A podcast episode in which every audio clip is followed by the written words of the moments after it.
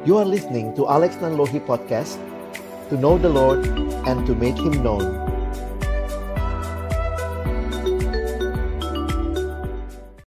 Kami datang dalam ucapan syukur kepadamu ya Tuhan. Hari ini Tuhan perkenankan kami bersekutu memuji memuliakan namamu Merayakan Paskah kebangkitanmu ya Tuhan. Kami rindu Biarlah setiap kami yang datang dalam ibadah ini boleh mengalami perjumpaan dengan Tuhan dan firman-Mu. Karena itu ketika kami akan membuka firman-Mu, bukalah juga hati kami. Jadikanlah hati kami seperti tanah yang baik. Supaya ketika benih firman-Mu ditaburkan, itu boleh sungguh-sungguh berakar, bertumbuh, dan juga berbuah nyata di dalam hidup kami.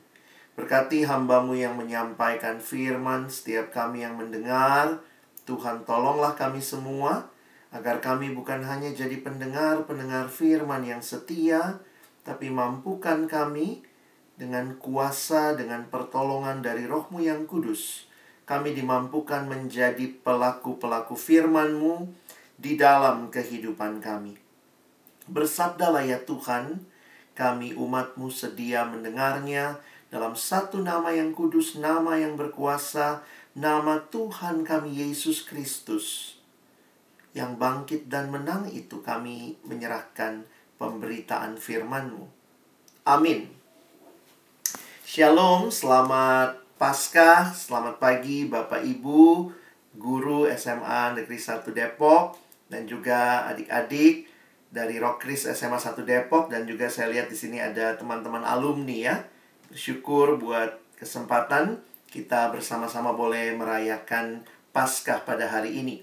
Nah, Kalex ingin share satu bagian firman Tuhan yang hari ini dalam tema yang diberikan kepada kita, ya. Kalau kita melihat tema yang diberikan hari ini kepada kita, the resurrection of Christ brings new hope. Ya, ini satu hal yang menjadi pergumulan dalam banyak kehidupan adalah ketiadaan pengharapan dan bagaimana kebangkitan Yesus ini membawa pengharapan yang baru. Nah, saya ingin mengajak kita terlebih dahulu boleh share satu sama lain di awal pertemuan ini. Nah, teman-teman, Bapak Ibu guru bisa tuliskan bagaimana kabar kita. Tapi mungkin biar mudah, coba tinggal pilih apa kabar saudara, apa kabarmu hari ini. Jadi uh, Bang Alex nggak tanya kemarin, besok, tapi hari ini. Kira-kira nomor berapa dari Blob 3 ini yang paling menggambarkan kondisi teman-teman sekalian, Bapak Ibu guru, silahkan ya. Kita boleh saling bertukar kabar. Oke, okay, thank you. Wah, 9, 7, 20. Wah, ada yang lagi senang gitu ya. Ada yang 15, ada yang nomor 5 gak sih? ada ya Bang Jansnya nomor 5 ya, masih mager ya Oke, okay, thank you. Silakan teman-teman boleh share. Paling nggak nanti bisa lihat ya. Wah, teman saya lagi ini nih yang dia pilih. Mungkin kalian bisa kontak habis ini. Kalian bisa coba share satu sama lain ya.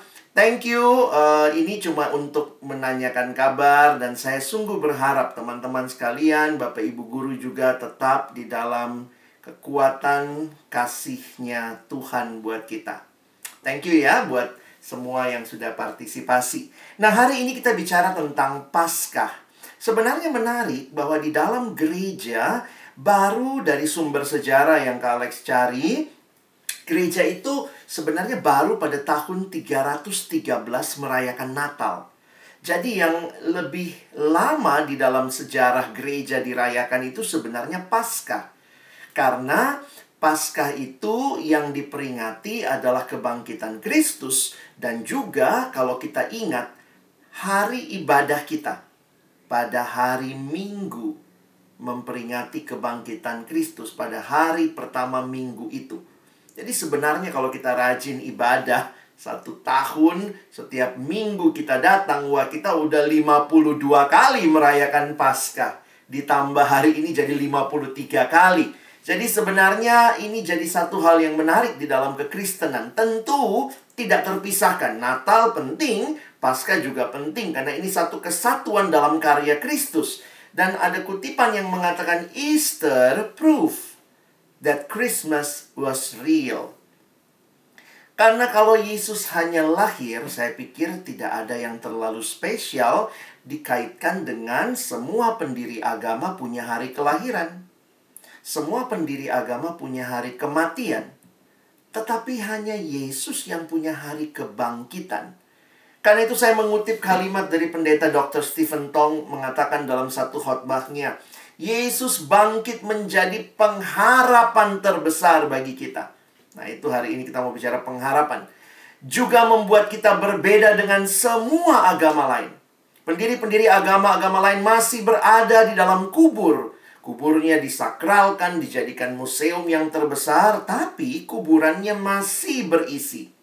Karena kuburan mereka masih terisi, maka pengikutnya hidup di dalam kekosongan.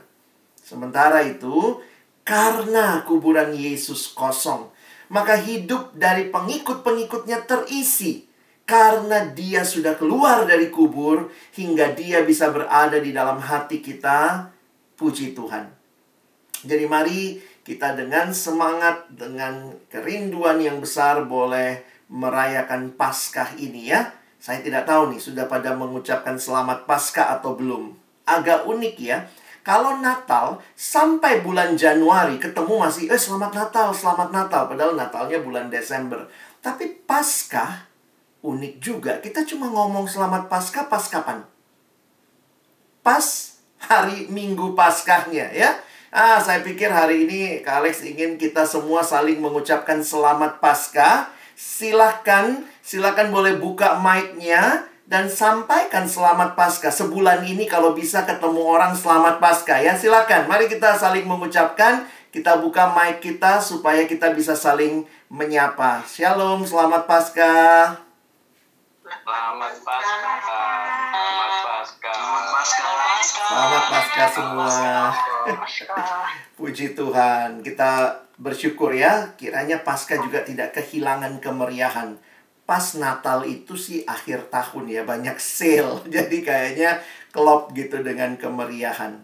Nah, hari ini kita akan melihat bersama-sama satu bagian firman Tuhan. Saya ambil dari Roma pasal 6 ayat 9 sampai ayat yang ke-11. Ya, apa yang sama-sama akan kita lihat di dalam ayat ini Roma 6 ayat 9 sampai 11, kita akan melihat dua fakta. Ya, mari kita baca bersama di dalam Roma 6 ayat 9 sampai 11. Karena kita tahu bahwa Kristus sesudah ia bangkit dari antara orang mati, tidak mati lagi.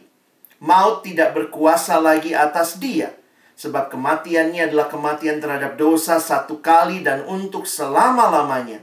Dan kehidupannya adalah kehidupan bagi Allah.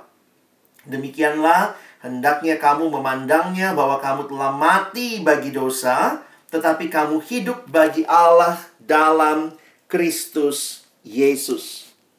Judul perikop ini di dalam Alkitab cetak kita, di dalam Alkitab terjemahan LAI, Roma pasal yang kelima, uh, Roma pasal yang keenam ini di adalah mati dan bangkit dengan Kristus.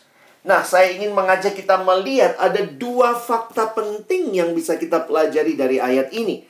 Yang pertama adalah tentang Yesus, tetapi yang kedua adalah tentang orang percaya. Ya. Nah, mari kita akan melihat hal ini bersama-sama. Alex ingin memberikan judul yang pertama yang akan kita lihat tentang Yesus adalah kematian dan kebangkitan Yesus memang sangat berbeda dengan kita manusia. Ya, Bapak Pendeta John Stott mengatakan kalimat ini menggambarkan apa yang Yesus alami dan apa yang kita alami. Dia katakan we live and die. Kita tuh hidup lalu mati. But Christ died and lived. Wah, apa yang perlu kita pahami? Perhatikan sebentar lagi ayat 9 dan 10 terlebih dahulu. Di dalam ayat ini, kalau kita perhatikan, Paulus sedang menjelaskan fakta sejarah tentang Yesus yang mati dan bangkit. Perhatikan cara Paulus menjelaskan. Karena kita tahu, nah ini sesuatu yang fakta sejarah, bahwa Kristus sesudah ia bangkit dari antara orang mati, ia tidak mati lagi. Maut tidak berkuasa lagi atas dia. Nah, bagaimana Paulus melihat hal ini? Perhatikan ayat 10. Sebab kematiannya, kematian Yesus adalah kematian terhadap dosa. Yesus menebus dosa kita. Satu kali dan untuk selama-lamanya. Dan kehidupannya. Loh, kok bisa hidup? Karena Yesus bangkit kan yang disebut di ayat 9 tadi. Kristus sesudah ia bangkit dari antara orang mati. Kematiannya, kematian terhadap dosa, dan dia bangkit, makanya ayat 10 bagian akhir, kehidupannya adalah kehidupan bagi Allah. Fakta sejarah yang tidak bisa kita sangkali ketika kita membaca apa yang Yesus alami. Ketika dia mengalami penderitaan yang begitu luar biasa, dia harus mengalami hukuman penyalipan. Dia memanggul salibnya sendiri menuju tiang penyalipan itu. Dan film Passion of the Christ mencoba menangkap dengan begitu luar biasa momentum yang terjadi ini. Dan bahkan dia dipastikan sudah meninggal. Kalau kita perhatikan di tusuk lambungnya, lalu kemudian air dan darah keluar ya. Beberapa penafsir mengatakan kalau sudah keluar air dan darah terpisah itu berarti sudah mati ya. Karena kalau tidak harusnya cuma darah yang keluar. Jadi ini adalah satu realita fakta yang kita pahami, tetapi Paulus ingin mengajak kita melihat bahwa kematian yang Yesus alami bahwa adalah kematian terhadap dosa. Dia sungguh-sungguh mati membayar hutang dosa kita, tetapi juga dia sungguh-sungguh bangkit. Karena itu perhatikan kalimat malaikat. Jangan takut kamu mencari Yesus orang Nazaret yang disalibkan itu? Ia telah bangkit, ia tidak ada di sini. Lihat, inilah tempat mereka membaringkan dia. Bapak, ibu, saudara, adik-adik yang dikasihi dalam Tuhan Yesus Kristus, perhatikan. Pada masa itu, banyak juga yang mengatakan bahwa jenazah Yesus dicuri. Ada, ada lagi yang bilang, oh, mereka, para perempuan itu, pada minggu pasca mereka datang ke kubur yang salah ya. Katanya kalau perempuan GPS-nya suka nggak nyala ya. Makanya mereka datang ke kubur yang salah. Eh bukan itu kuburnya. Pantesan waktu datang kosong. Tetapi kalau kita perhatikan catatan Injil jelas sekali dicatat perempuan-perempuan itu melihat mayat Yesus dibaringkan mereka melihat pintu kubur itu ditutup begitu ya ada batu yang digulingkan, batu besar. Dan mereka juga perempuan yang sama yang keesokan harinya atau pada hari Minggu pasca itu datang ke kubur itu. Jadi tidak mungkin salah kubur. Dan kalimat malaikat ini bagi saya juga menegaskan, perhatikan ya. Ingat baik-baik, bukan cuma Yesus yang namanya Yesus di zaman itu. Oh banyak juga yang namanya Yesus karena itu nama umum pada waktu itu Yesus, Yeshua, Yosua yaitu nama yang akar katanya sama Tuhan menyelamatkan. Jadi bukan cuma Yesus yang dis, yang yang namanya Yesus pada waktu itu, tapi kalimatnya malaikat ini menarik. Jangan takut. Kamu mencari Yesus, Yesus yang mana? Orang Nazaret, spesifik loh. Cek KTP ini Yesus yang Nazaret. Lalu yang matinya kenapa? Yang disalibkan itu. Mungkin buat kita waktu baca ini sekilas oh biasa aja Yesus orang Nazaret yang disalibkan. Tapi malaikat ingin mengkonfirmasi bahwa perempuan-perempuan itu tidak salah kubur. Mereka mencari Yesus orang Nazaret yang disalibkan. Jadi bukan yang mati karena tua, mati karena sakit, mati karena kecelakaan. Yang disalibkan. Ia telah bangkit. Sekali lagi, memang juga bukan cuma Yesus yang disalib. Ada banyak yang disalib pada masa itu. Tetapi sangat berbeda. Yesus orang Nazaret yang disalibkan itu, ia telah bangkit. Ia tidak ada di sini. Lihat inilah tempat mereka membaringkan dia. Bapak, Ibu, Saudara yang dikasihi dalam Tuhan Yesus Kristus, perhatikan kebangkitan adalah satu realita yang tidak bisa disangkal dan karena itu kita melihat salib menjadi bermakna. tanpa kebangkitan, salib tidak ada artinya. Saya katakan tadi ingat bukan cuma Yesus yang disalib, ada banyak orang yang disalib. Tetapi kenapa salib Yesus menjadi bermakna? Karena Yesus yang disalib, dialah Yesus yang bangkit. Tidak akan pernah ada Jumat yang agung kalau tidak ada Minggu Paskah. Mengapa Jumat itu disebut Jumat Agung? Mengapa salib Yesus yang dis, yang yang kita lihat itu menjadi salib yang begitu bermakna karena dia bangkit. Kalau tidak bangkit itu bukan Jumat Agung ya, itu Jumat paling mengerikan, paling sial sepanjang sejarah. Ada orang yang mati dan gak pernah bangkit. Tetapi Yesus yang mati di salib, dia bangkit sehingga Jumat Agung, Good Friday, it's only good because of Easter morning. Karena itu Yesus mengatakan akulah kebangkitan. Dan kebangkitannya ini membawa perubahan. Membawa perubahan dalam segala hal. Dan karena itulah perhatikan ya. Bagaimana Paulus mengkaitkan fakta kebangkitan. Kematian dan kebangkitan dengan apa yang terjadi di sana. Tadi uh, Ibu memberikan sambutan ya. Kita bukan hanya bicara penyalipan, tapi maknanya apa? Kita bukan hanya bicara kebangkitan, tapi apa maknanya? Nah, inilah yang Paulus katakan ya sekali lagi ayat 9 dan 10. Kita tahu bahwa Kristus sudah bangkit dari orang mati, tidak mati lagi. Mau tidak berkuasa lagi atas dia. Sebab kematiannya, kematian terhadap dosa. Satu kali dan untuk selama-lamanya. Dan kehidupannya, kok bisa hidup? Karena dia bangkit. Adalah kehidupan bagi Allah. Bukan lagi kehidupan yang seperti sesuatu yang berbeda, bukan. Ini kehidupan bagi Allah. Nah, ini fakta pertama yang disampaikan. Dan yang kedua yang menarik adalah fakta tentang kematian dan kebangkitan orang percaya. Dari mana asalnya ini ya? Kalau tadi kebangkitan, kematian, kebangkitan Yesus, lalu kok bisa sekarang kematian dan kebangkitan orang percaya? Perhatikan ayat 11. Oke? Jadi tadi ayat 9 10, sekarang lihat ayat 11. Ini caranya Paulus memberikan pemahaman kepada jemaat. Demikianlah hendaknya kamu memandangnya. Bahwa kamu telah mati bagi dosa. Loh, tadi yang mati Yesus. Kok sekarang jadi kamu telah mati bagi dosa?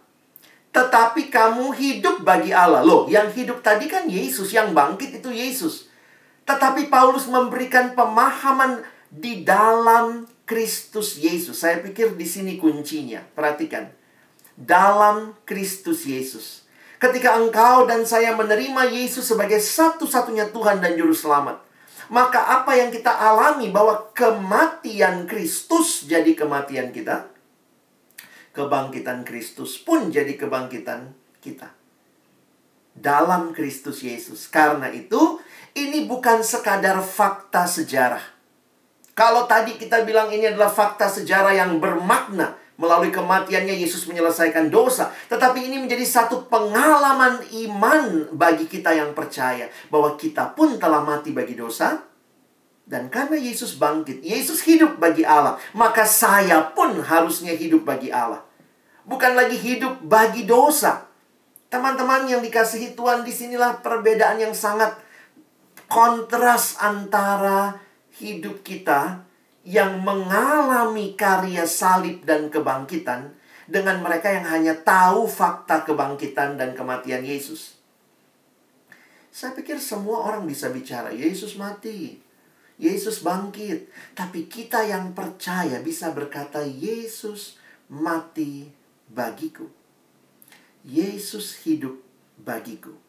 Dan karena dia mati terhadap dosa, aku pun mati bagi dosa. Perbedaannya, Yesus mati menebus dosa. Kita mati terhadap hasrat dosa yang kita miliki. Dan ingat, Yesus bangkit. Maka saya pun bangkit. Kalau dia bangkit hidup bagi Allah, maka saya pun bangkit dan hidup bagi Allah. Teman-teman, Paskah itu Jumat Agung dan Paskah itu bukan cuma fakta, tapi pengalaman iman bagi kita yang percaya. Karena itu seperti yang juga kita dengar tadi ya dalam sambutan sudah banyak diingatkan kalau betul Yesus bangkit dan kamu dan saya mengalami kebangkitannya maka kita tidak akan lagi menikmati hidup dalam dosa. Dosa yang diungkapkan ya uh, sering kali Kak Alex suka nanya how do you spell sin? Sin itu is the I in the center. Di dalam dosa akulah segala-galanya. Aku yang paling utama. Manusia di dalam dosa dibelenggu begitu rupa. Dosa membelenggu.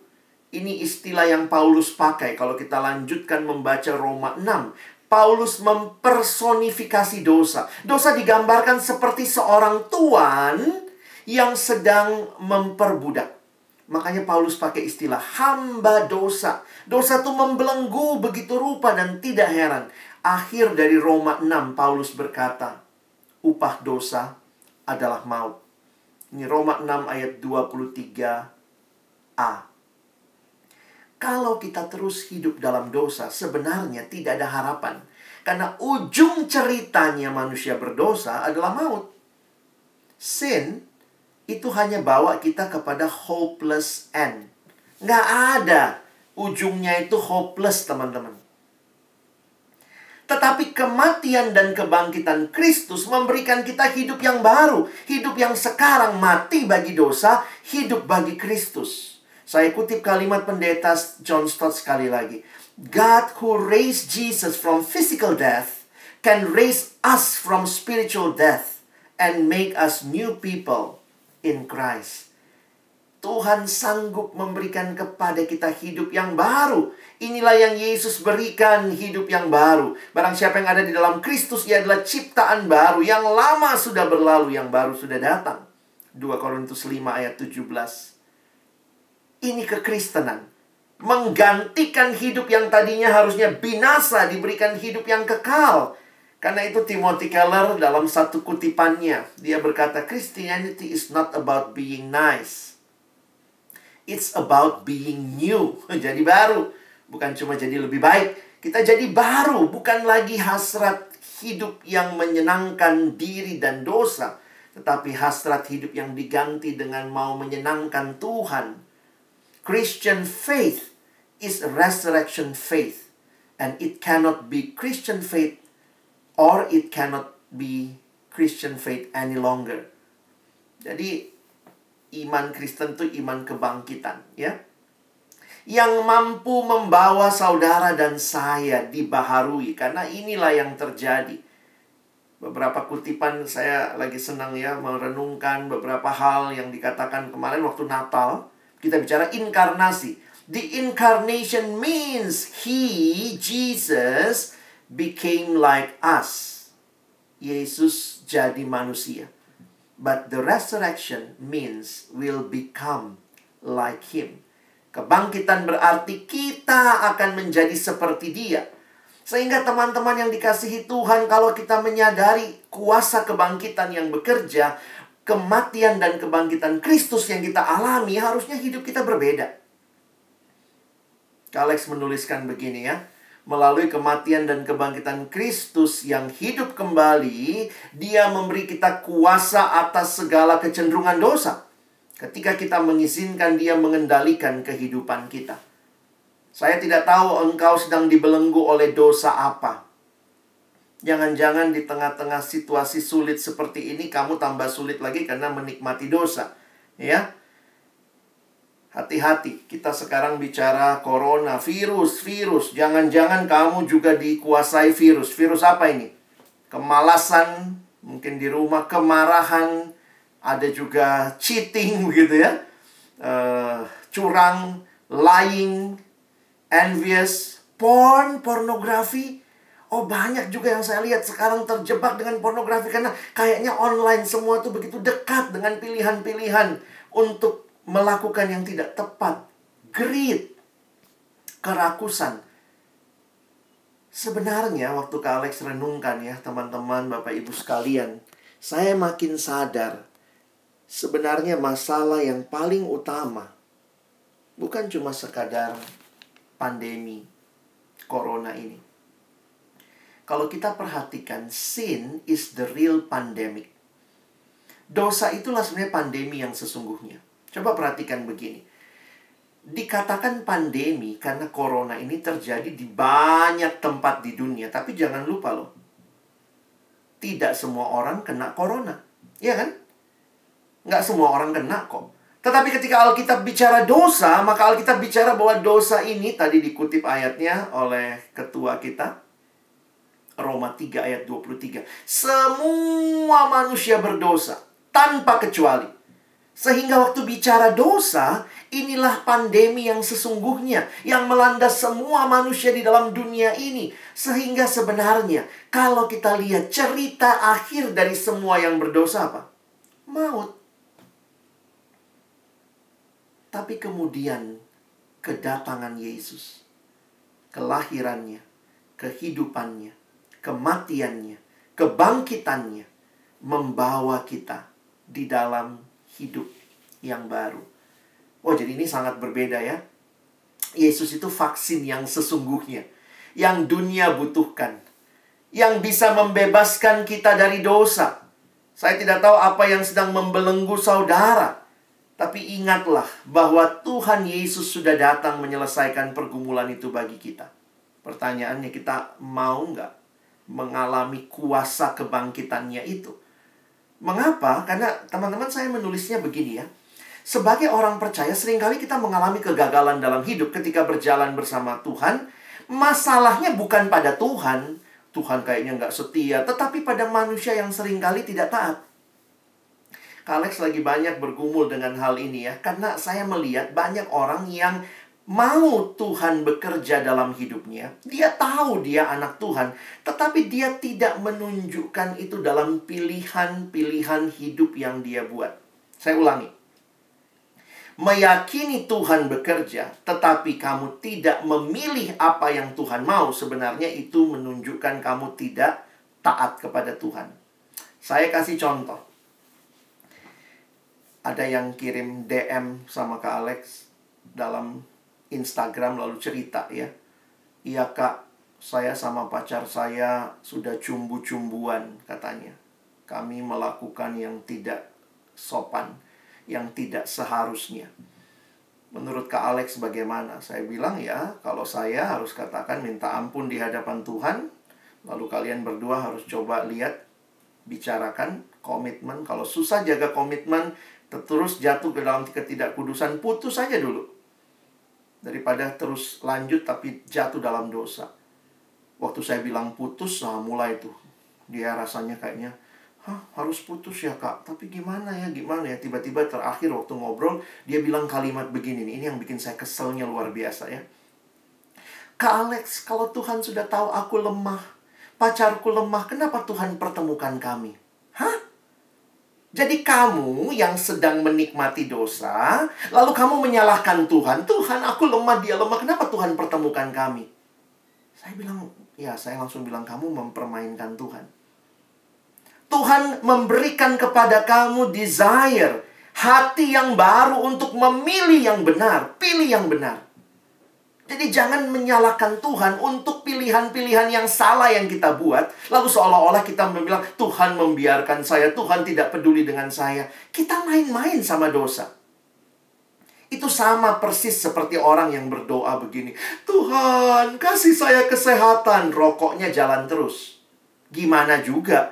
Bukannya Tuhan tidak berkuasa, tapi ingat, pilihan-pilihanmu itu menyatakan menghadirkan kuasa Tuhan. Kalau kamu tidak pernah pilih hidup sehat, maka kamu berdoa itu pun itu namanya mempermainkan Tuhan.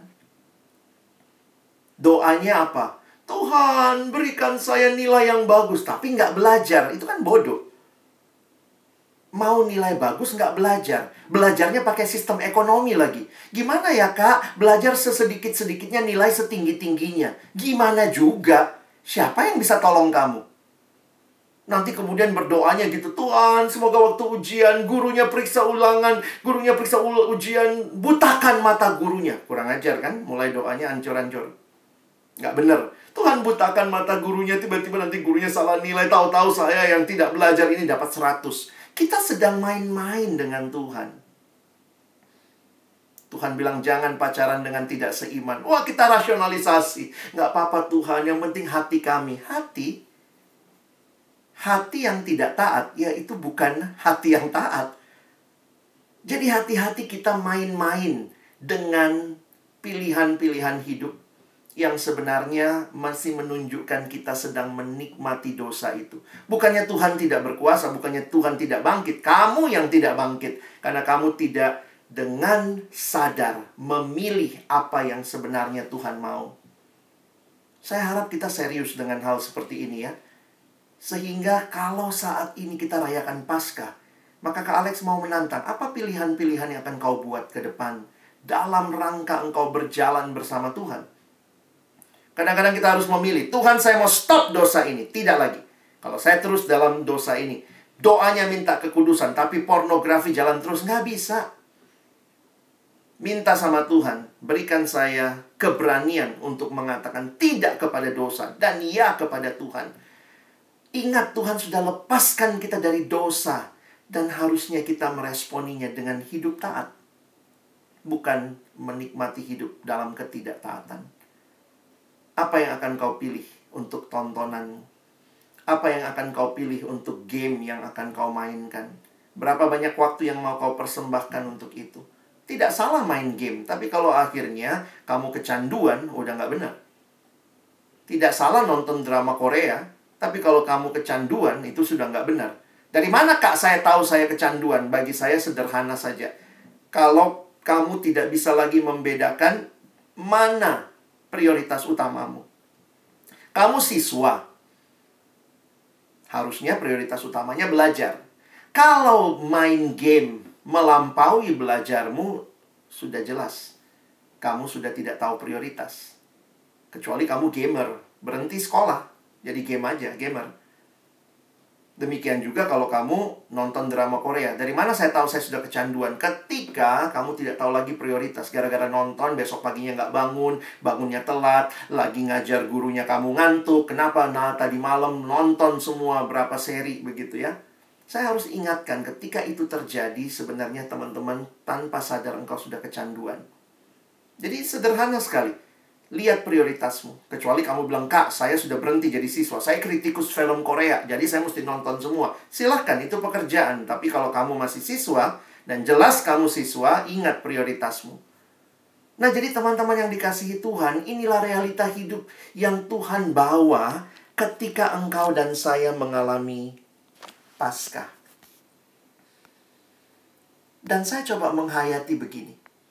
Kalau masalah terbesar kita, pandemi terbesar yang dialami dunia, dosa sudah Tuhan selesaikan dengan dirinya yang datang bagi kita.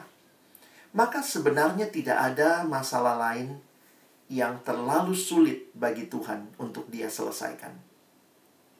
Kalau pergumulan manusia yang paling besar dan paling terakhir sudah Tuhan selesaikan, sebenarnya tidak ada pergumulan lain yang terlalu sukar untuk kita selesaikan. Di poin inilah saya mau ambil aplikasi buat kita hari ini berkaitan dengan tema pengharapan. Jadi apa yang kebangkitan Yesus berikan bagi hidup kita ya? Bapak Ibu Saudara yang dikasihi Tuhan, apa yang dibawa dengan kebangkitan Kristus? Di tengah-tengah kita masih mengalami di bangsa ini bahkan dunia pandemi corona. Dan kalau lihat bangsa kita, kita pun sadar ya, di waktu-waktu kita melakukan uh, ketika Minggu Palma kemarin, ternyata ada teror bom. Pada hari Paskah terjadi uh, bencana alam di NTT saya, saya terus mikir gitu ya Tuhan gimana bicara kebangkitan? Gimana bicara pengharapan di dalam situasi yang realitanya mungkin juga kita alami? Mungkin ada beberapa dari kita yang juga mengalami kena corona atau mungkin orang yang kita kasihi terkena corona atau orang-orang yang kita kasihi sampai meninggal dunia karena corona. Saya pikir nggak mudah menghidupi semua realita ini. Ada tiga ketakutan orang muda dalam satu survei ya. Satu survei mengatakan ada tiga ketakutan terbesar orang muda saat ini. Pertama, takut akan masa depan. Fear of the future. Ini gimana nih ke depannya? Ini gimana nih ke depan? Jadi sebenarnya bukan pas corona aja. Nggak corona pun juga anak muda, remaja khususnya sering kali takut masa depan. Lalu yang kedua juga takut gagal. Fear of failure. Tuhan gimana ya kalau gagal ya? Aduh, nanti kalau nggak masuk PTN yang saya pengen, gimana ya Tuhan? Lihat temen yang satu, waduh dia udah keterima. Aduh Tuhan gimana ini? Ketakutan akan kegagalan. Dan juga ketakutan yang ketiga yang dimiliki orang muda adalah takut dengan kesepian. Ini memang generasi yang unik sekali ya. Teman di Facebook bisa seribu, dua ribu. Di IG seribuan, dua ribuan tapi kesepian lucu juga ya. Di tengah-tengah situasi seperti ini, ketakutan-ketakutan ini, pertanyaannya di mana Tuhan? Tapi ingat, Tuhan tidak pernah janji hidup tanpa pergumulan. God never promises that we will never face struggles or problem. Tetapi apa yang Tuhan janjikan? Yang dia janjikan bukannya hidup tanpa pergumulan, tapi dia menjanjikan dia menyertai kita di dalam berbagai pergumulan yang kita alami. God walks with us in our struggles. Dari mana saya bisa meyakini ini semua? Lihat kalimat Petrus. Bagi saya menarik sekali. 1 Petrus pasal 1 ayat yang ketiga. Rasul Petrus berkata, Terpujilah Allah dan Bapa Tuhan kita Yesus Kristus, yang karena rahmatnya yang besar telah melahirkan kita kembali oleh kebangkitan Yesus dari antara orang mati, kepada suatu hidup yang penuh pengharapan. Sebenarnya semua ketakutan dalam hidup, takut kesepian, takut ini dan itu sebenarnya ini tidak sebanding dengan ketakutan terbesar akan hidup yang berakhir dengan maut. Tetapi oleh kebangkitan Yesus Kristus dari antara orang mati, Dia membawa kita ke dalam sebuah hidup yang penuh pengharapan. We have a living hope because we have a living Savior. Teman-teman, saya kasih ilustrasi begini: siklus hidup manusia sederhana, lahir, hidup, mati, lahir, hidup, mati. Ditambah lagi dalam dosa yang terjadi lahir, hidup, mati, binasa, maut. Kalau ini cerita hidup kita, ngapain? Saya sembuh corona, tapi akhirnya maut. Saya nggak kena bencana alam, tapi akhirnya maut. Jadi sebenarnya berbagai pergumulan dunia, tetapi kalau akhirnya tidak diselesaikan, maka sebenarnya tidak ada real hope. Tetapi perhatikan, karena Yesus bangkit, maka siklus hidup bagi kita yang percaya bukan cuma lahir, hidup, mati. Tapi lahir, hidup, mati, bangkit. Kita punya pengharapan itu karena Kristus sudah bangkit. Pengharapan keselamatan dari binasa yang kekal itu bukan dari dunia tapi dari Allah. Makanya Alkitab berkata jangan berharap sama manusia ya. Manusia tidak lebih dari hembusan nafas. Sebagai apakah ia dapat dianggap? Teman-teman, waktu kita sangat berharap sekarang apa? Vaksin. Wah, begitu kita dapat vaksin. Tapi saya coba pikir-pikir gini ya. Kalau semua yang kita harapkan masih bisa dikasih dunia, sebenarnya berarti itu sederhana, dunia bisa berikan. Kita berharap vaksin, oh Tuhan kasih lewat dunia ya, maksudnya lewat lewat berbagai kecanggihan kedokteran begitu kita butuh makan bencana alam ya Tuhan kirimkan orang yang kirimkan makanan buat kita. Saya jadi sadar tapi apakah yang Tuhan berikan yang paling utama? Dia memberikan anaknya Yesus Kristus menjadi jawaban bagi pergumulan terbesar kita. Tahun yang lalu saya kehilangan papa saya. Dalam pandemi papa meninggal bukan karena corona, tetapi situasi seperti itu membuat saya sadar ya waktu harus menjaga di rumah sakit. Lalu dalam situasi itu juga kan ngeri ya bahwa orang tua sakit ke rumah sakit, kita juga ikut diperiksa PCR segala macam. Tapi kemudian satu hal yang muncul dalam benak saya begini. Kalau kesembuhan saya masih bisa dapatkan di dunia ini melalui dokter, melalui yang lain. Tapi ketika papa saya meninggal, lalu pertanyaan yang muncul, apa yang akan dia alami kalau ternyata hidup cuma sampai di situ? Tapi karena saya percaya pada Kristus yang hidup, pada Yesus yang hidup, maka ada kebangkitan. Dan kebangkitan ini memberikan harapan. Dan harapan itu membuat kita tidak takut dengan hidup. Benar sih, namanya vaks, uh, namanya corona ini menakutkan, tapi ternyata tidak pernah begitu menakutkan karena kalaupun kita mati, maaf ya, saya pakai istilah ini. Kalaupun kita harus mati karena Covid, buat kita yang percaya ada kebangkitan. Berarti COVID bukan cerita terakhir kita. Wah, di situ Kak Alex jadi ngerti ya. Kita butuh pengharapan yang melampaui kematian. Wah, itu membuat saya jadi sadar. Karena Yesusku bangkit, maka saya punya pengharapan. Orang yang paling menyedihkan di dunia bukan orang yang menderita, Bapak Ibu Saudara sekalian Orang yang paling menyedihkan di dunia adalah orang yang hidup tanpa pengharapan. Kenapa bukan penderitaan? Karena orang yang menderita, kalau dia punya pengharapan, maka mungkin dia masih mau menderita. Karena apa? Ada pengharapan. Pengharapan itu menarik kita maju terus dalam kesulitan hidup. Dan Yesus yang bangkit mengingatkan kita bahwa dia sudah menang. Jangan takut. Kamu takut kesepian?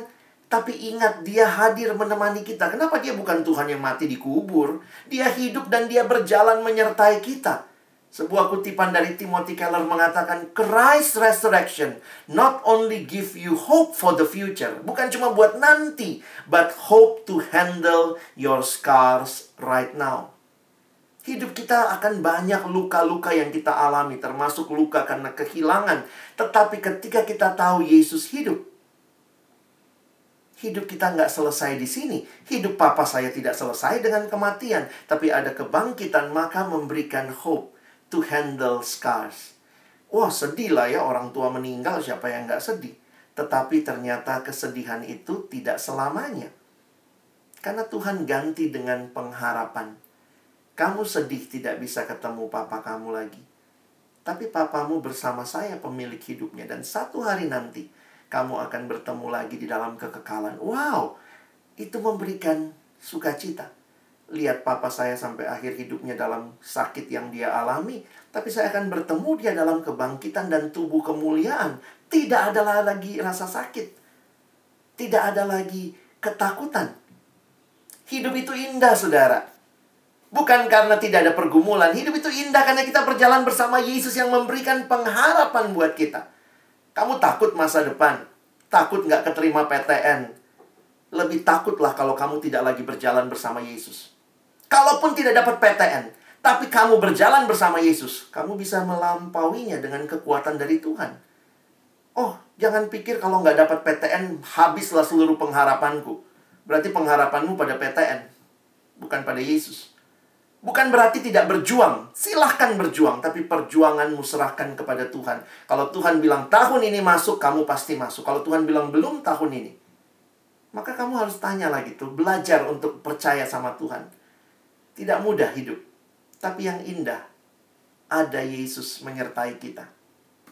Because of Jesus, there is always hope even in the darkest moment of your life masa yang paling sulit karena ada Yesus selalu ada pengharapan.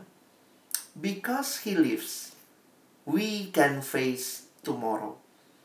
Kan itu Paulus menutup kitab Roma di dalam salah satu doanya di akhir kitab Roma. Dia berkata begini. Semoga Allah sumber pengharapan, hope memenuhi kamu dengan segala sukacita dan damai sejahtera dalam iman kamu supaya oleh kekuatan Roh Kudus kamu berlimpah-limpah dalam pengharapan. Karena dia tahu hidup dalam Tuhan itu nggak mudah, khususnya di abad pertama. Tapi sumber pengharapan Allah sendiri akan memberikan kamu sukacita berlimpah-limpah, damai sejahtera, dan kamu punya pengharapan. Saya tutup dengan kutipan ini. Pastor Rick Warren mengatakan, Jesus turns your hopeless end into endless hope. Kiranya kita boleh mengalami kematian kebangkitan Kristus yang membebaskan kita dari dosa dan yang memberikan kita pengharapan menjalani hari-hari hidup yang tidak mudah. Kenapa kita bisa berharap? Karena sungguh Yesus kita sudah bangkit. Selamat Paskah, Bapak Ibu, Saudara, adik-adik yang saya kasihi. Ingatlah, Paskah bukan sekadar perayaan, tetapi Paskah adalah sebuah perubahan. Mengubah kita dari menikmati dosa menjadi mencintai Tuhan. Dari tidak ada pengharapan menjadi hidup dalam pengharapan. Amin. Mari kita berdoa. Bapa di dalam surga, Engkau mengenal setiap kami dan pergumulan kami masing-masing. Tidak mudah, tetapi kami percaya Engkau hadir dan menyertai kami. Bagi Bapak Ibu guru, bagi anak-anak seluruh kami, kami sadar ada begitu banyak pergumulan yang mungkin kami alami dan masih akan mungkin kami temukan dalam menjalani hidup. Tetapi Kristus yang bangkit, Engkau memberikan kepastian bagi kami bahwa Engkau hadir dalam hidup kami dan Tuhan berjalan bersama kami, membawa kami ke dalam masa depan yang indah bersama dengan Tuhan. Karena itu kalau kami mengalami pergumulan hidup, kekecewaan, ketakutan, tolong kami datang dan membawanya kepada Tuhan dan kalau masih ada ketidaktaatan yang kami sedang jalani, kami hidup dalam kemunafikan, kami hidup dalam hawa nafsu, kami hidup dalam ketidakkudusan, kami hidup di dalam ketidakbenaran. Tuhan, tolong kami taat. Taat kepada kehendakmu dan hidup hanya bagimu. Karena Kristus mati, aku pun mati terhadap dosa dan karena Yesus bangkit, aku pun saat ini bangkit. Dan bukan hidup bagi diriku, bukan hidup bagi dosa, tapi aku bangkit dan hidup bagi Allah. Inilah doa kami, kerinduan kami, tolong kami bukan cuma jadi pendengar firman. Jadikan kami pelaku-pelaku firman-Mu. Dalam nama Yesus kami berdoa. Amin.